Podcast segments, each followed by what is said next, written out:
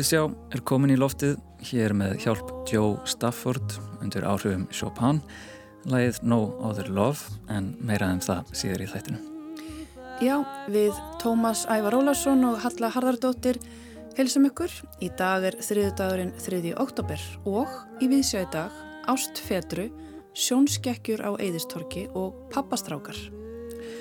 Ást Fedru hefur verið í síningu hjá þjóðleikúsinu um þessar myndir. Verkið er eftir breska leikskaldið Söru Kein og er byggt á grísku góðsögnunni um drotninguna Fedru sem verður ástfóngin af stjúpsinni sínum Hippolítusi með skjálfilegum afleðingum. Kolfinna Nikolásdóttir, leikstjóri verksins, kíkir við í hljóðstofu Viðsjár og ræðir verkið. Einnig fáið að heyra leikúsiríni. Eva Haldóra Guðmundsdóttir lagði leið sína í Tjarnabíó í síðustu viku og sá leikverkið Pappastrákar Hún segir frá upplifun sinni í þætti dagsins. Í Galeri Gróttu á Eðistorki býður myndlistakonan Ragnarður Gestóttir gestuminn í veröld þar sem að langanir og þrár manneskunar eru færðar í pastelituð form úr keramík. Ketilbjöllur, kleinurringir og klassísk form standa á stöplum og tala til okkar um stjættaskiptingu, gildismat og valdakerfi. Ragnarður er vönavinn í ólíka miðla en hér er keramikið í forgrunni enda síningin afrakstur vinnustofu dvalar þar sem hún vann með keramik í þrjá mánuði. Lítum inn á Eðistorg.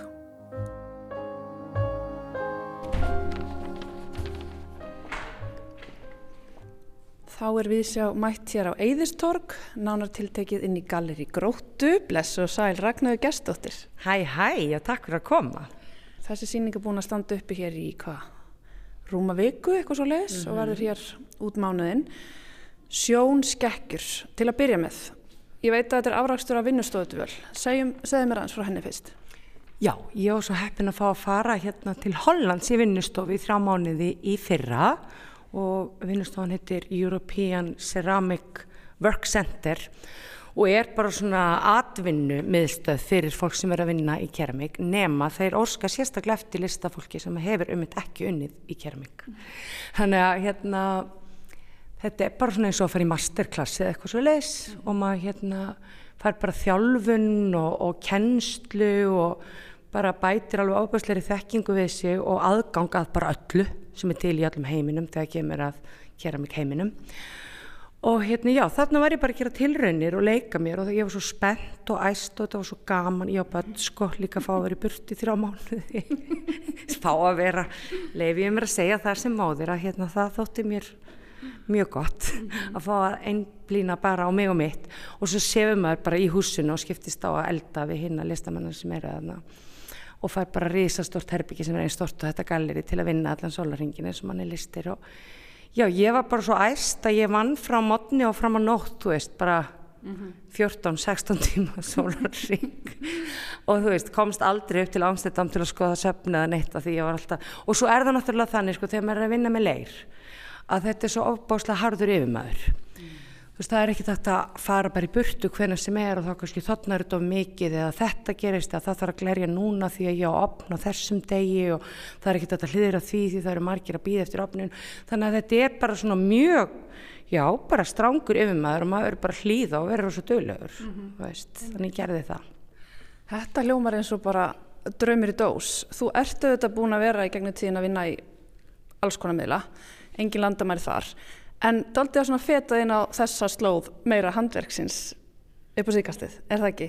Jú, algjörlega, ég var svo mikið alltaf að vinna með vídeo og kvikmundamiðilinn mm -hmm. svo fekk ég bara algjört ógeð að ég var að vinna í tölvu. Því að endanum þá ert að vinna í tölvu þegar þú ert að vinna með þann miðil. Og hérna ég kunni ekkert að teikna þegar ég var bann þannig að mér fannst ég ekki vera svona þannig listamæður sem myndi vera að vinna með höndunum beint. En svo því ég kynntist leirnum og ég er svolítið svona hrætt ennþá til dæmis við smíðavinnu og ímislegt en svo því ég kynntist leirnum og þá fann ég efni þar sem ég get fengið hugmynd í höstum á mér. Og ég get raunverulega næstum því búið til það sem var í höstum á mér. Ég geti aldrei gert það í neitt, neitt annan miðil sko. Mm -hmm nema kvikmyndamiðilinn þá kannski eitthvað svona allavega nálægt í og það sem er svo dásanlegt með leirin er bæði þetta hvað hann er strangur yfirmæður og líka bara hvað hann sko hvað er erfitt að fela sér bak við hann. Og þegar maður er listamær þá náttúrulega þannig að maður vera svolítið hurakur og hérna ég er að kenna börnum myndlist þá tala maður um hugur ekki skilur ég og hérna ég sé alltaf fyrir mér eitthvað rosa slikk hluti áður ég gerir það.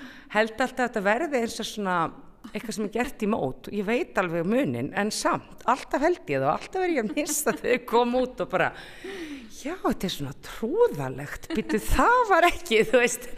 Þannig að það tók mér líka tíma að bara svona hérna læra að elska það. Og það er auðvitað það sem er svo geggja við leirin mm -hmm. er að hérna, þú sérð alltaf hendur listamannsins og þú sérð alltaf karakterinn og, og bara þetta svo, það er svo mikið tilvílunum að þú sérð mhm. fyrir þér einhvern lit og það, hann verður alltaf öðru í sig og, og það er bara svo góð hérna, lífs hérna, spekki að við vitum aldrei hvað verður og við mm -hmm. vitum ekkert hvernig, þú veist mm -hmm. útkoman verður úr einu en einu í þessu lífi og mhm. hérna, þetta er svona núutundræfing að vinna í leir, myndi ég segja Og það er líka þátt aldrei svona skemmtilega núasar í gangi hér vegna þú veist að tala um þessa tilviljun og að sætta sig við ófullkomleikan en á sama tíma ertu hérna aðeins að výsa í það kannski þrána eftir fullkomleikanum held ég allavega. Þá er ég að tala um ketilbjöllunar. Já, algjörlega.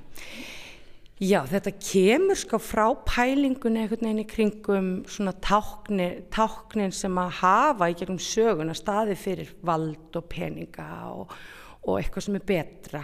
Og þegar við erum að horfa til dæmis á svona kyrralífsmyndir eða stillæf að hérna hvaða tákn byrst, hafa byrst þar í gegnum tíðina í listasögunni og þú veist og það er náttúrulega bara mjög sterk tákn og mjög svona stór og bara þung saga bak við hvert tákn og hérna það er enga tilvíljani þar og hérna ég er svolítið að leika mig með að taka þú veist þennan vessel eða þetta ílát sem byrtist yfirleitt í hérna uh, þessum stillæf myndum, málverkum mm -hmm. og hérna breyta þeim í þessar bjöllur og þannig vísa til þess að bjallan sé tákn fyrir það að þú hafir peninga og tími að sína líka með þeinum áður fyrir þá hérna varstu feitur eða þú varst ríkur í dag ertu steltur eða þú varst ríkur. Þú veist þannig ég er svolítið að fara yfir í það einhvern veginn og þrá okkur allra eftir því að líta vel út og þannig að ég er að spá svo nýð þú veist hvaða er, hvaða takk það er í dag sem að standa fyrir það kannski að hafa náð árangri lífin eða hafa náð langt og hérna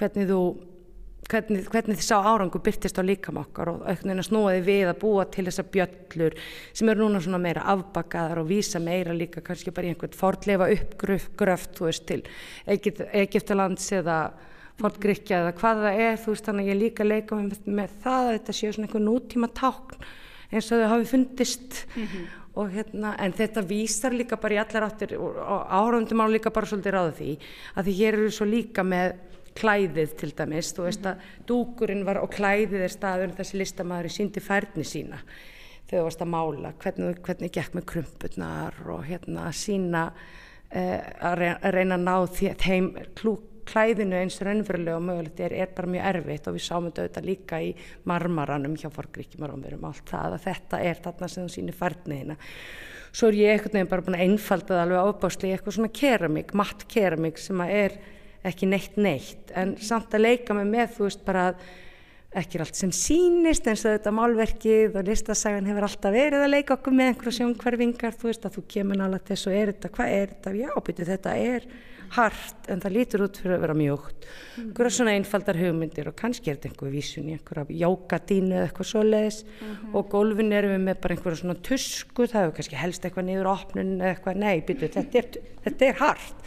Veist, þannig, og þetta er eitthvað sem ég er svona aðeins að vinna meira með en þetta kemur frá því þú veist hvað klæðið hefur verið mikilvægt í listasögunni og svo líka hvernig þessi textil, þetta handverk, keramik handverkið og textilin eru þessar kvennagreinar innan myndlistar og þá komum við oftin inn á þann status og hver á hvaða miðil og, og hvernig hérna reynum við að bara koma okkur upp í þennan meturastegu og hver, hver hefur aðgangað honum og hvað hann er mhm. ólíkur einmitt, einmitt. Það er áhugavert einmitt með sko og svo einmitt er þetta áfram að nýta hérna þessar stöpla sem að lifta þessum táknum upp á okkur svona virðulegri sess Og svo líka áhugað þetta með ketilbjöllunar sem eru hérna farnar að umbreytast eða í einhvers konar gríska vasa kannski. Sko, maður sér fyrir sér sko eitthvað kallægt tákn, sérstaklega í samingi við sko stöplana og súlunar. En sko, ef maður fer inn í líkastættustöði í dag, þá eru þetta, sko næstu eru ketilbjöllur orðnar bara tengið er við konur sko, vegna þess að konur í dag talandi líka kannski um stjættaskiptingu og það eru bara ákveðna konur sem eru í rættinni með kettilbjöllir, ekki satt? Jú, þetta er einhver vísin í það að hver hérna, hvaða hópur það er sem að hefur færi, og, færi á því og tíma til þess að eigða tíma í rættinu. Jú, þetta verður orðið svolítið vinsalt hjá okkur sem erum í millistjættinni og hérna komnar á breytingarskeið eða á leiðinni þangað eða rétt búnar þar að þá hefur þetta verið svolítið vinnselt en þú þart bara og við gleymum því svolítið oft að þú þart nú samt að hafa aðganga bara fullt af peningum og tíminn til að geta gert þetta. Þú veist að þú setur því samingi við heiminn. Mm -hmm. þannig að já og svo er ég líka spá með pallinum sem að svo verkinn standi upp og þá eru við líka svona hann þú sérð grittið, þú sérð netið, hérna, sérð undir og yfir og þá erum við líka bara svona velta fram þessar einföldu hugmyndum en bara hvað liggur undir, það er alltaf undirstaða mm. og það, þú veist, það er alltaf eitthvað sem þarf til að byggja, það kemur ekkert að sjálfu sér. Og þá vísi ég líka bara ég, þú veist, að við þurfum að vinna fyrir hlutunum, þú veist, það kemur ekkert allt til okkar. Og þessi kleinurringir, þú veist, þar er ég myndið að spá í bara, þú veist, einhvern veginn undirstað er ekkert bara náttúrulega byggingalist eða í myndlistinni eða í listasögunni heldur líka bara hverju undirstaða okkar í lífinu þú veist. Og þá var ég svolítið að hugsa um þessa kleinuringi sem bara faðum þú veist, mm. móðurfaðum og því það eru auðvitað líka mjög mikið kapital í því að allast upp í fjölskyldu þar sem þú færð það ást á umhyggju sem þú þarfst á að halda og það bara skiptir alveg verulega miklu og ég vil meira mála en nokkuð annað upp á það hvernig þér vegnar í lífinu setna. Þannig ég er svona flytið með aðeins meirinn okkur svona uh, svæði líka. Mm -hmm. Emmitt, og ég rauninni bara afbyggja allt með því að hafa, þú veist, formið og grindina hérna sínilega og, og svo framvegis. Mér langaðis lokin kannski að tala aðeins um þessa litapalettu sem er ótrúlega fögur og á eitthvað hátt svona gyrnileg og kannski tengist það þessari hugmyndum löngun og þrá í eitthvað, ég veit það ekki? Algjörlega. Bæði svona pæla í þú veist bara hvernig þessi svona tískufrömmir ákveða litapalettur þú veist fyrirfram og hvernig við lærum hver stjórnar í hvað við þráum og en líka bara raunveruleg þrá þú veist hvernig maður laðast að hlutum og formum þú veist og, og, og við þurfum svo sem ekki endilega að spáði hvaðan það kemur heldur bara hvað það er líkamlegt af því að þetta er svona líkamleg verk og þegar þau er í svona litum og þá langar manni bara upp að þeim mm -hmm. og já það var líka eitthvað sem ég langaði að væri þarna mm -hmm. Sko þegar ég sá þessa tösku sem að liggja hérna út í hotni þá var mér líka reyndar að hugsa þetta klein svona í samingi við þessa kleinringi ég veit ekki en, hérna, en ég hugsa líka bara með eitthvað svona uppgjöf hérna, allt þetta og hér er bara búið að kasta hangklæðan út í hotn. Takk, það er mjög gott. Við líst vel á það. Herðu, fyrstu höfum aðeins meiri tíma ragnar þá veit ég hvort þú varst að hugsa um þetta sem yngang að verkinu eða kannski þú lýsir fyrir lustundum hvað við erum að horfa hér. Já, við erum að horfa á veggverk sem er plata og hérna í plötun er búið að skafa á hver form og hérna, sérstúleir og, og hérna, þetta er mynd af luxuselthúsi úr fastegna blöðum og þá er ég að spá bara aftur þetta með þú veist hvernig búið að rýfa allt út og búið til að byggja eitthvað nýtt og, og hvernig peningarnir og hvað þeir byrtast okkur, þú veist ég var aðeins unni með marmara mm. Þú veist eitthvað neina þessu áhugavert að skoða sögu marmara og svo hvernig hún byrtist svo bara sem eldhúsplata í hérna dýrum eldhúsm á Íslandi og þegar maður fyrir að skoða fastegnaðlýsingar í dag þá er eldhúsið að fyrsta, fyrsta sem byrtist yfirlegt þannig að það er svo mikil peningur þar og þetta er svo dýr efni og þar getur þú sínt svona auðin og status þannig að ég, þetta er uppafið af einhvers konar serju eða einhverju meiri vinnu hjá mér. Takk innilega fyrir að leið okkur hér um sjónskekkju, ragnaðu gestóttir og til hamingi bara með síninguna. Takk fyrir að koma innilega. Halla ræti hér við Ragnæði Geststóttur um síninguna Sjónskekkjur sem stendur yfir fram til 14. oktober í Galeri Gróttu við Eðistorg. Síningastjóri er Dorothei Kirch. Já, en þá förum við yfir í leikúsið. Eva Haldóra Guðmundsdóttir tekunum við. Hvers vegna förum við í leikús? Er það til þess að endur speikla okkur í djúpum personum verksins? Sjá sviðsettan söguþráð sem kemur á óvart? eða horfa á eitt gott pólitist stykki. Leikúsið er einni gett þeim einleika að geta framkallað skinnjun og haft áhrif á líkamann. En eins og með allt menningarefni getur dagsformið haft mikið með það að gera hverju við sækjumst eftir og hvað við fáum út úr verunni í myrkum salnum. Ég veit ekki með ykkur hlustendur góðir, en stundum langar mig bara til að njóta og skemta mér. Það verða fáir sveiknir af góðri gamanmynd, velskrifiðum sjómarstætti eða fjættum og góðum farsa. Á fymtudaginn síðasta var verkið Pappastrákar firmsynd í Tjarnarbíói. Árið er 2007. Þeir Ólafur, leikin af Hákonni Erni Helgasinni og Hannes sem Helgi Grímur Hermannsórleikur leggja leið sína til spánar, nánar tiltekið á Playa Buena af ólíkum ástæðum. Hannes ætla sér að skrifa æfisögu föður síns sem er nýláttinn en Ólafur er á leið í fjölskyldufrí og ætlar að tengjast betur sinni sínum sem þjáist af úlingaveiki. Þrátt fyrir ítarlegt skipulag Ólafs og hárnámkvæmni verður hann fyrir því óhafi að taka tösku Hannesar í stað sinnar. Við tekur atbyrðarás sem gerir það að verkum að sögur þeirra flækjast saman og þeir eigða mun meiri tíma saman en Ólafur hefði kosið. Upplifinun af verkinu hefst í forsal tjarnarbjós. Þar getur fólk tekið myndir af sér fyrir framann bakgrunn á samt útskortnum myndum af þeim Ólafi og Hannesi í raunstærð. Á borðum viðsvegar leggja DFT-hulstur með upplýsingum um aðstandendur síningarinnar og koma í staði leikskrár á samt því að staðsetja okkur tímalega séð í náinni fortíð. Svo þegar gengið er inn í salin mætir manni ströndin Playa Buena. Einföld leikmynd Arons Martins Áskerðarssonar er samansett úr þremur pöllum sem eru staðsettir aftast á sviðinu og drapplituðu teppi og áferðin minnir á gula sandströnd. Á pöllunum er búið að koma fyrir strandhandklæðum og viðisvegarum rýmið eru upplásnir kútar, skoblur og fötur fyrir sandkastalagerð og klísilegur bar. Aronni tekst að skapa púkó pakkaferða fagurfræði á sviðinu og staðsetur áharfundur á annasumum ferðamannastað. Einnig hefur hann fundið skemmtilegar og fyndnar tilvísanir til ársins 2007 sem vekja kátínu leikúsgesta. En maður finnur þó fyrir því að hér sé á ferð sjálfstæður leikópur sem er ekki á með mikið á milli handana. Nýting Arons á skjávarpanum þóttu mér skemmtilegust í sviðismyndinni. Á tjaldi fyrir aftanpallana þrjá byrtust drömkjönd en lummuleg myndbönd sem staðsettu personurverksins eða hann nýtti til að kýtla hláturtöðarnar. Búningar þeirra Ólafs og Hannesar pössuðu vel við personuleika þeirra og stemma við smekklösa túrista. Lýsing Magnúsar Torlasíus byr til skemmtilegt andrumsloft sem rýmar við lumm og stíl fagurfræðinar. Andrés Þór Þorvarðarsson sér um tónlist og fluttning hennar í verkinu.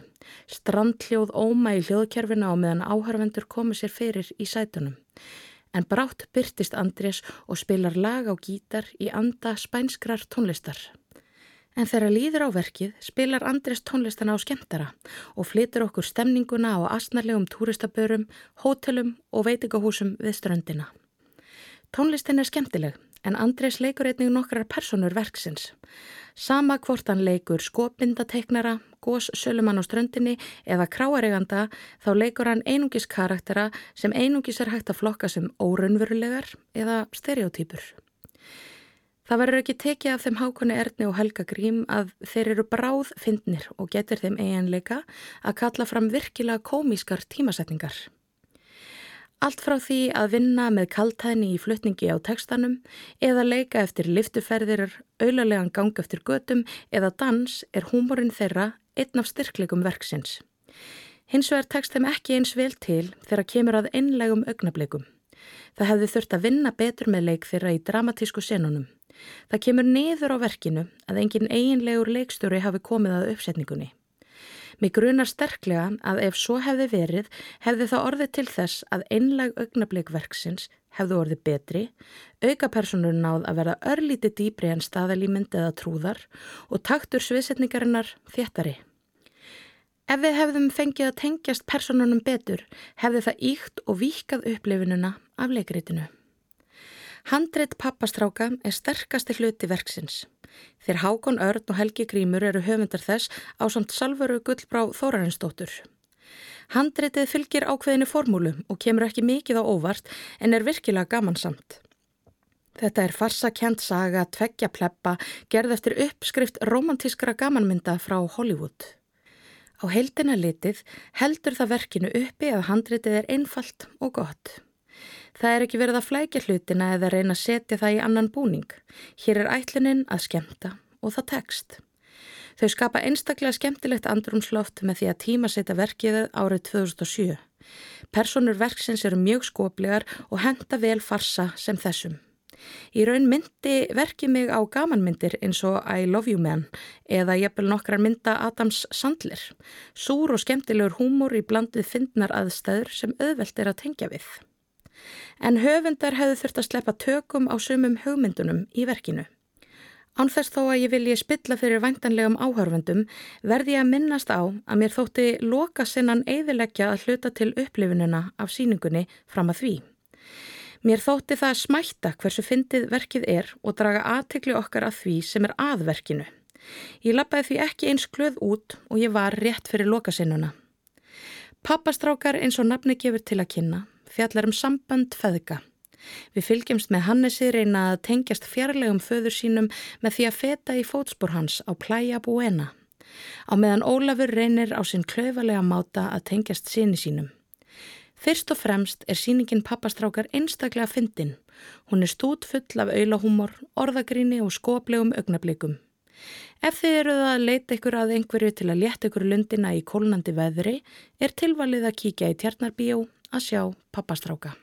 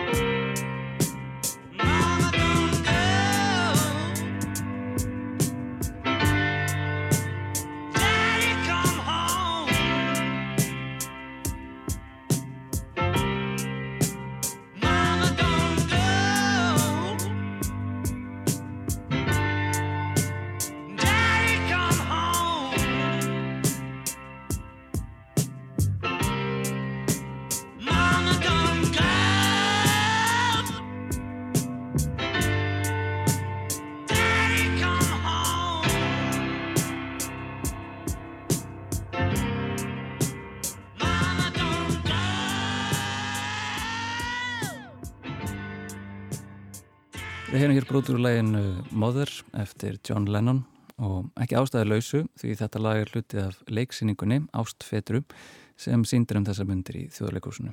Leikverkið er skrifað af breska leikskaldinu Söru Kane á tíunda áratug síðustu aldar en verkið byggir hún á góðsögninu um drotninguna Fetru sem verður ástfangin af stjúp sinni sínum, Hippolítusi, með hræðilegum afleðingum sem fyrir fyrir skjarnan í grískum harmleikjum. Kolfinna Nikolásdóttir, leikstjóru verksins, er mætingaði hljóðstofu Viðsjá. Innilega velkomin í þáttinn, Kolfinna.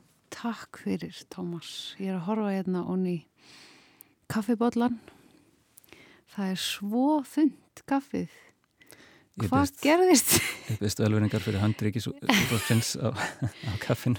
En kaffið er, sko, mér finnst það gott svona þund, en svolítið svona scary líka, einhvern veginn. Mm -hmm það er einhver óþægilegur heiðarleiki kannski. Það er eitthvað satt það er eitthvað ofsatt hérna. en uh, John Lennon hins vegar um, mm -hmm.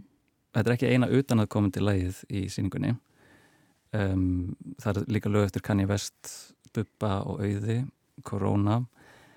En ég tek kannski þetta Lennon-lag sérstaklega út fyrir svega því mér fannst þessi lokakabli lagsins einhvern veginn fanga einhvern kjarna ástar í þessu verki. Mm -hmm og fæ kannski að spurja þá í kjölfari kannski með þetta lag til hlýðsjónar uh, stóru spurningarinnar uh, mm. hver er þessi ást fetru? Mm, já, ymmit, þetta er góð spurning sko hún kannski margþætt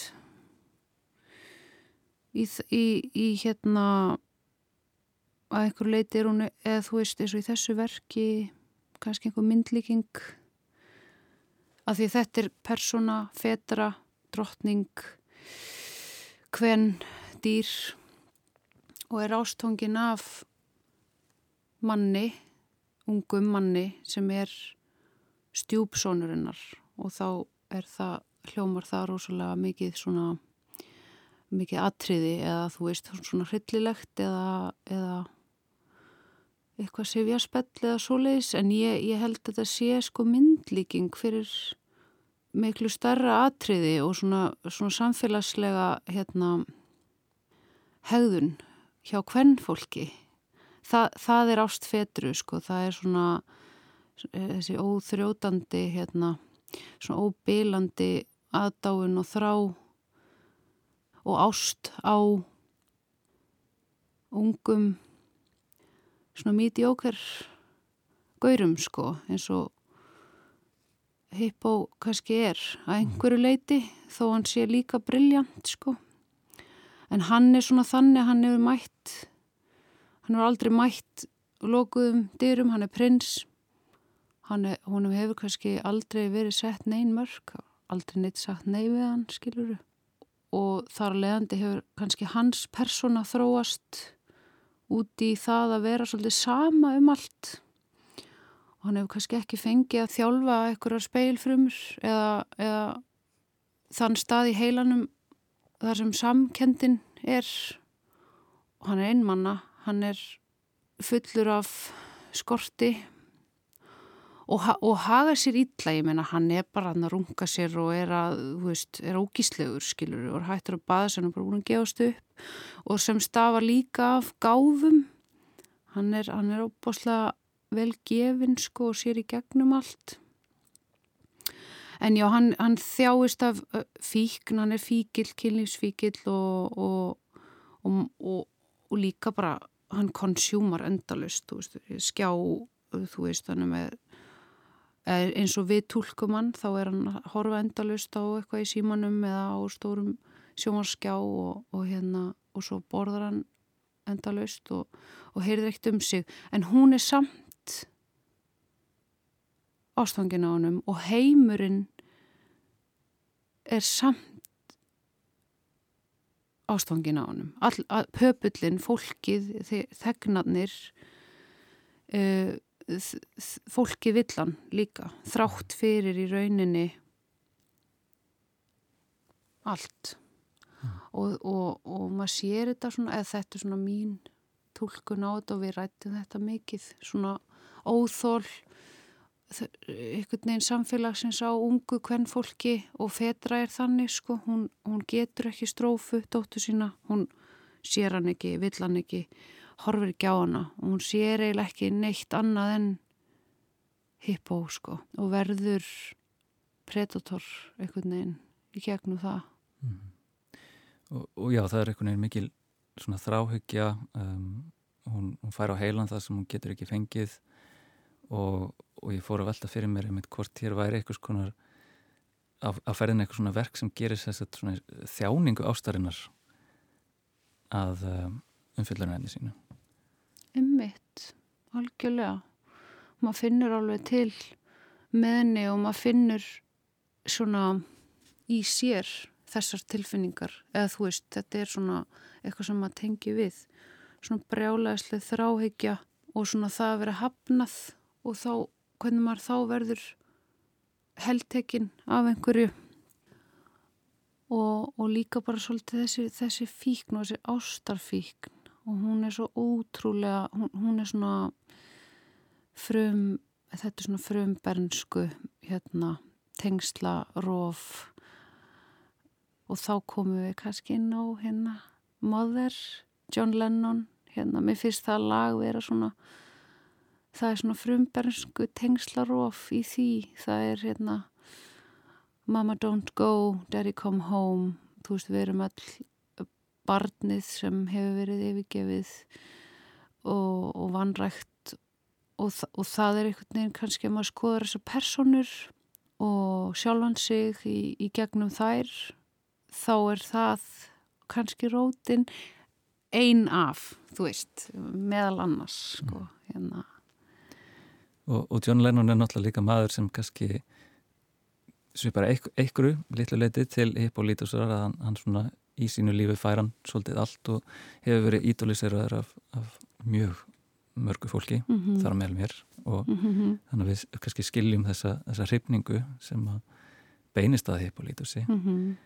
um, mér fannst fetraði leikritinu einmitt, hún talar um laungunina að hún, hún get ekki slögt á henni mhm og mér fannst þar verið líka svolítið verið að vinna með andstæður að hún getur ekki slögt á henni en Hippolytos fær allt sem hann vill Einmitt. og þá sloknar bara eitthvað neginn á öllu. Akkurat. Er hann kannski búin að lendi þessari martur að fá allt Akkurat. og vera sattur Já, það er alltaf hræðilegt að hérna vera sattur Já, þetta er þetta er einn vingil en ég held að hann sé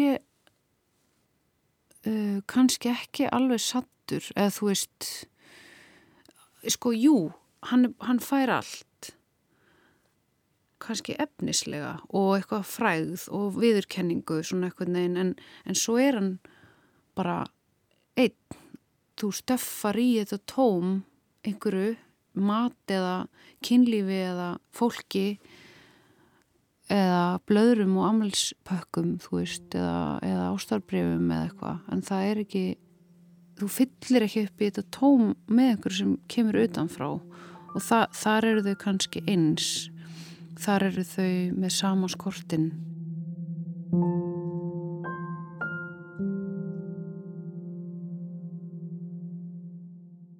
Hvernig kemur þetta verk til þín eh, uppalega? Sko ég las það í hérna þegar ég var að læra í háskóla og uh, það lesið allir þú sem er að læra eitthvað í sviðslistum og bara lesum Söru Kein og Söru Kein er bara eitt áhrifamesta skáldið á þessum tíma hanna svona postmoderníska skáldið. Hún, hún umbreytir leikritun fyrir okkur hérna í vestrænum heimi og hún er bara kongurinn skiluru og, og hún, hún, hún var það áhrifamikil að verkin hennar allafana fyrir mi, mitt leiti, þú veist, það bara satt í mér og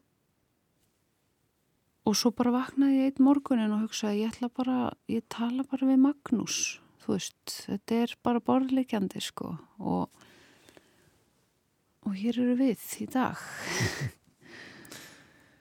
Já, þetta hefur bara gengið fyrir sig, bara nögralaust eða? Nei, ég myndi nú ekki segja það. Þetta er náttúrulega skelvilegt hérna við erum að ásóldi svona dimmum þetta er svona dimmur dalur. Eða svona uh, ég veit ekki hvað göng, jarðgöng bara svört sko. Þannig að það er það er búið að ganga á ymsu en, en mér fannst þetta svolítið svona þó svo að þetta hafi verið erfitt þá kannski út á nálguninni sem ég var mjög meðvitið um að ég vildi nálgast þetta innum dyr svona fegurðarinnar til þess að vega upp á móti að því að maður eitthvað neginn í leikhúsi þarf maður alltaf að leita eftir hérna jafnvægi. Og það er bara þessi grunn hérna, það, hérna kórusinn, hérna trúða grunn trúðurinn.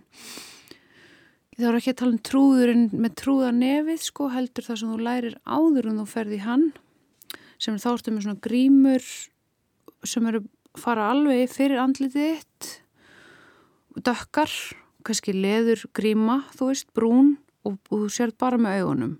Þannig að það fyrir fyrir munnin og mátt ekki tala sko. Og þú gerir svona ring með krít á hérna sviðið.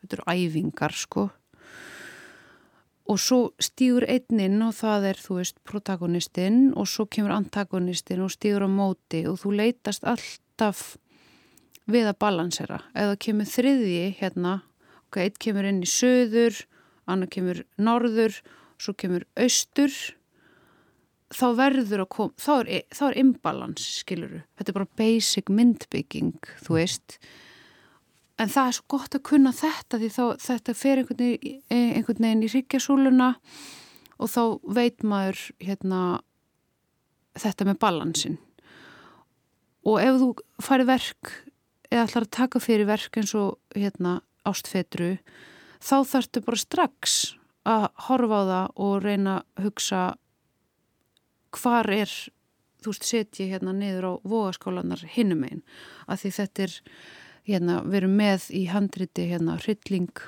og þetta er það sem, þú veist, hefur augljósa. Við erum með sefjarspell og, og rúslega þungar erfiðar tilfinningar og þrá og hérna, skort og allt þetta sem við erum búin að koma inn á.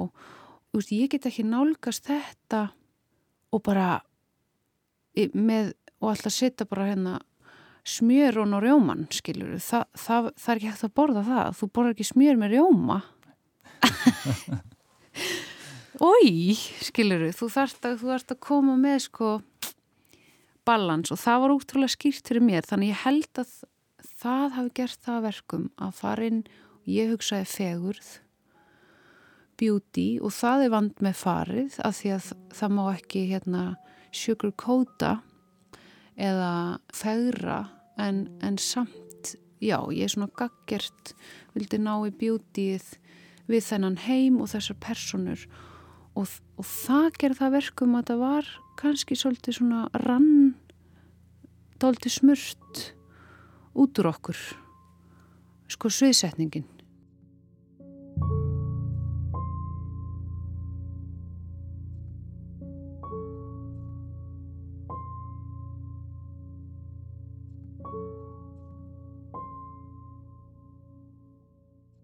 Langar aðeins að líka spyrja út í sko, leikmyndina um, því mér finnst hún svakaleg uh, þessi gráa auðmagn skráa uh, leikmynd mm. þessi hérna efnuðu litinir einhvern veginn um, rár munaður uh, ég veit ekki, ég var að reyna orðið þetta einhvern veginn en það er hún Filipía í Elísdóttir sem hannar leikmyndina hvernig kemur hún inn í þessa fegurðanálgun á leikritu?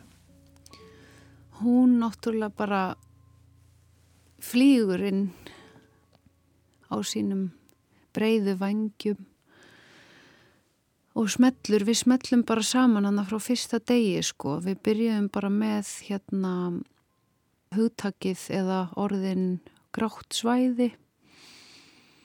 Það var svona það sem ég hafi haft á heilanum og svo bara þróast þetta við unnum rosalega náið saman, hún er náttúrulega rosalegur meistari hún Filipíja og var ótrúlega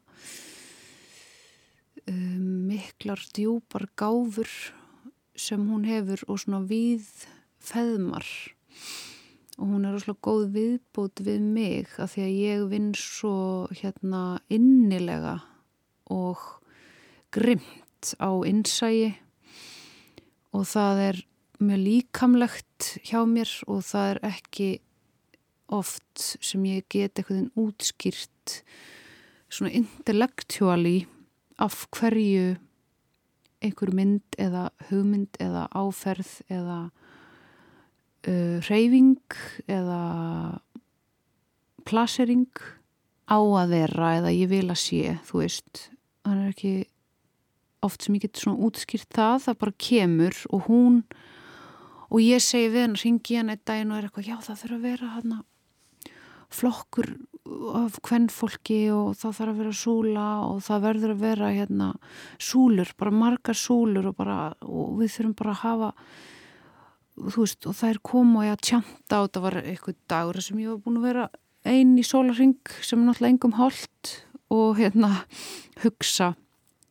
Og hún bara já auðvita, þetta eru þetta eru náttúrulega hinn raunverulega stjaksetti og kemur með, þú veist, hún svona botnar hugmyndir mínar og við hvorar annarar og það, og það er svona og alveg frá fyrsta degi hjá okkur var hérna bara já og stemning þó svo að við höfum verið alveg gríðarlega agaðar.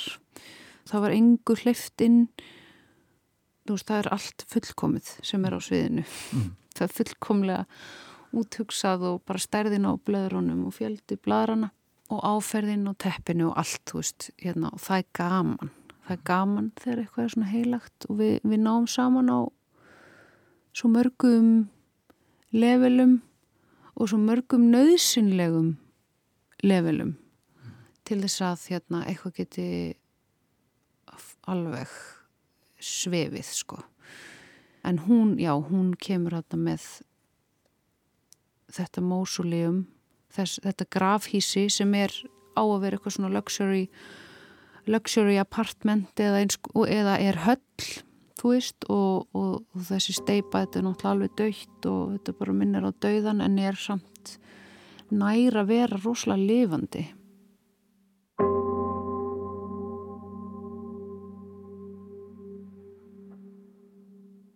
Ágæti hlustandi Mér langar rétt að vara þið við. Svar kolfinu við næstu spurningu minni í þessu viðtali mun spilla sögurlókum verksins ást fetru ástandi að lýsa ofbeldisverkum. Ef þú hefur ekki séð leikritið og vilt ekkert vita um örlög fetru og hippolítosar eða kærið þig ekki um lýsingar á ofbeldi, byrðið þig að læka niður í einslæginu næstu fimm mínúturnar eða skipta yfir á næstu stöð.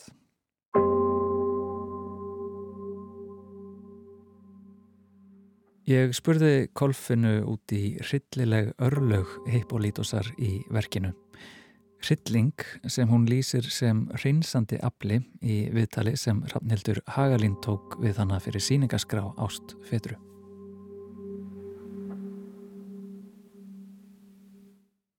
Sko ég uppleifa hann ekki fyrir en ég sé í rauninni leikaran gera þetta í fyrsta skipti eins og ég hafði séða fyrir mér og bað hann að gera og hann svona exekjútar það sko beyond fullkomlega og þá hann, hann er sér að þarna tekin að lífi og, og hérna limlestur og öskrar og það blæðir úr honum sko og það kemur svona rosalegt bara úr yðrum jarðar öskur og þú veist þá ert að tala um ef við tölum um skala í leiktúlkun þú veist út, út í null þá ertu bara dauður eða rétt svo andandi sko. Einn þá ertu alveg bara þunglindur og latur og bara svo bara tveir, þrjir, fjórir og þú veist fjórir set, að vera á setni vinnuna skiluru og þig og klassir á skiluru og sjö ertu komin í hérna bara og þú ferð ekkert oft upp í sjö skiluru í, í, í sérstaklega ekki eða úr hérna, í, með realíska leiktúlkun þú veist, le leikrit er allt realist það er sko mikill realismi og ég við ákveðum þarna að leika þetta þannig. Sko alveg, alveg crisp hérna bara svona tær realismi og, og ég leik, er að leika með það í gegnum alla síninguna að, að flakka inn og út úr þessum realisma með smá stríðinni sem er gaman en En svo förum við út fyrir þennan realisma þarna og förum í meira eins konar, já þetta verður bara svona artóískur sjálfsfórnar gjörningur aðna skiluru. Það sem leikarinn alveg gjörsanlega öskrar úr yðrum jarðar og er og lætur lífið, þú veist, á, þetta er bara svona hyperdramatíst hérna atriði og og þa það er ekki fyrir nýja sé þetta einhvern veginn þegar allt er að hérna, koma heim og saman sko, við erum að æfa og það er, og það er fullt af fólki og, og, og hérna, við ætlum að reyna að láta, renna þessu hérna, og gerum þetta og, og bara bjartur, hérna, þú veist, farðu bara alla leið. Svo bara er, sé ég þetta og við erum að prófa blóðið í fyrsta skipti og þá sé ég þetta bara. Og það gerist eitthvað líkamlegt hjá mér sem er hérna, bara losandi, þú veist og ég hérna, upplifið þetta bara og þetta er eitthvað sem ég hafði tilfinningu fyrir að myndi gerast en maður veit ekki fyrir víst. Og, og, og mögulega er þetta á fleiri stöðum bara lúmskara í, í verkinu. Þú veist að við erum að pröfa hluti á sviðinu möguleikan á einhverju án þess að þurfa að gera það í raunveruleikanum. Og það er einhvern veginn það sem leikhús er einhvern veginn. Það er kannski ekki endilega að orðið eitthvað hreinsun en það eru upplýsingar. Já. Þetta er, þetta er annað. Þetta er annað. Ég veit ekki hvert ég er að fara með þessu. Það er, það er svona, en með, í samtið við hreinsununa og, og hryllingin þetta er bara hressandi sko. Ég held að það sé mjög góð loka orð bara? Um, um uh, leikrætið Ástfetru Kolfinna Nikolásdóttir Takk ég alveg fyrir spjallið. Sumi leiðis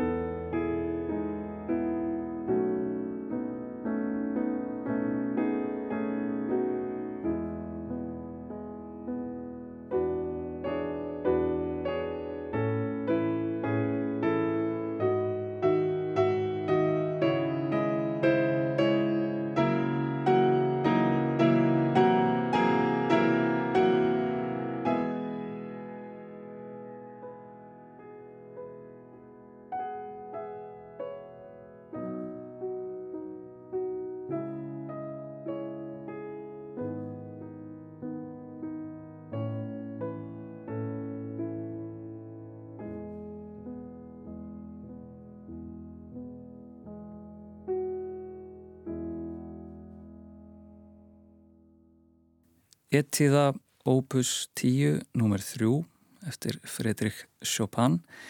Þessi tónlist er nótuð í verkinu Ást Fetru sem síndir í þjóðleikósunum þessar myndir. Kolfina Nikolás Dóttir kom og ræti við okkur í viðsjá um verkið. Það er Tumi Árnason sem sá um útsetningu tónlistar, fyrir leikverkið og Þórbergur Bodlason sem lekir Chopin við ætlum að enda þáttinn á síðar hluta þessa verks. Já, Tómas Ævar Ólafsson og Halla Harðardóttir þakka fyrir sig í dag við verðum að sjálfsögða aftur hér á sama tíma morgun. Verið sæl.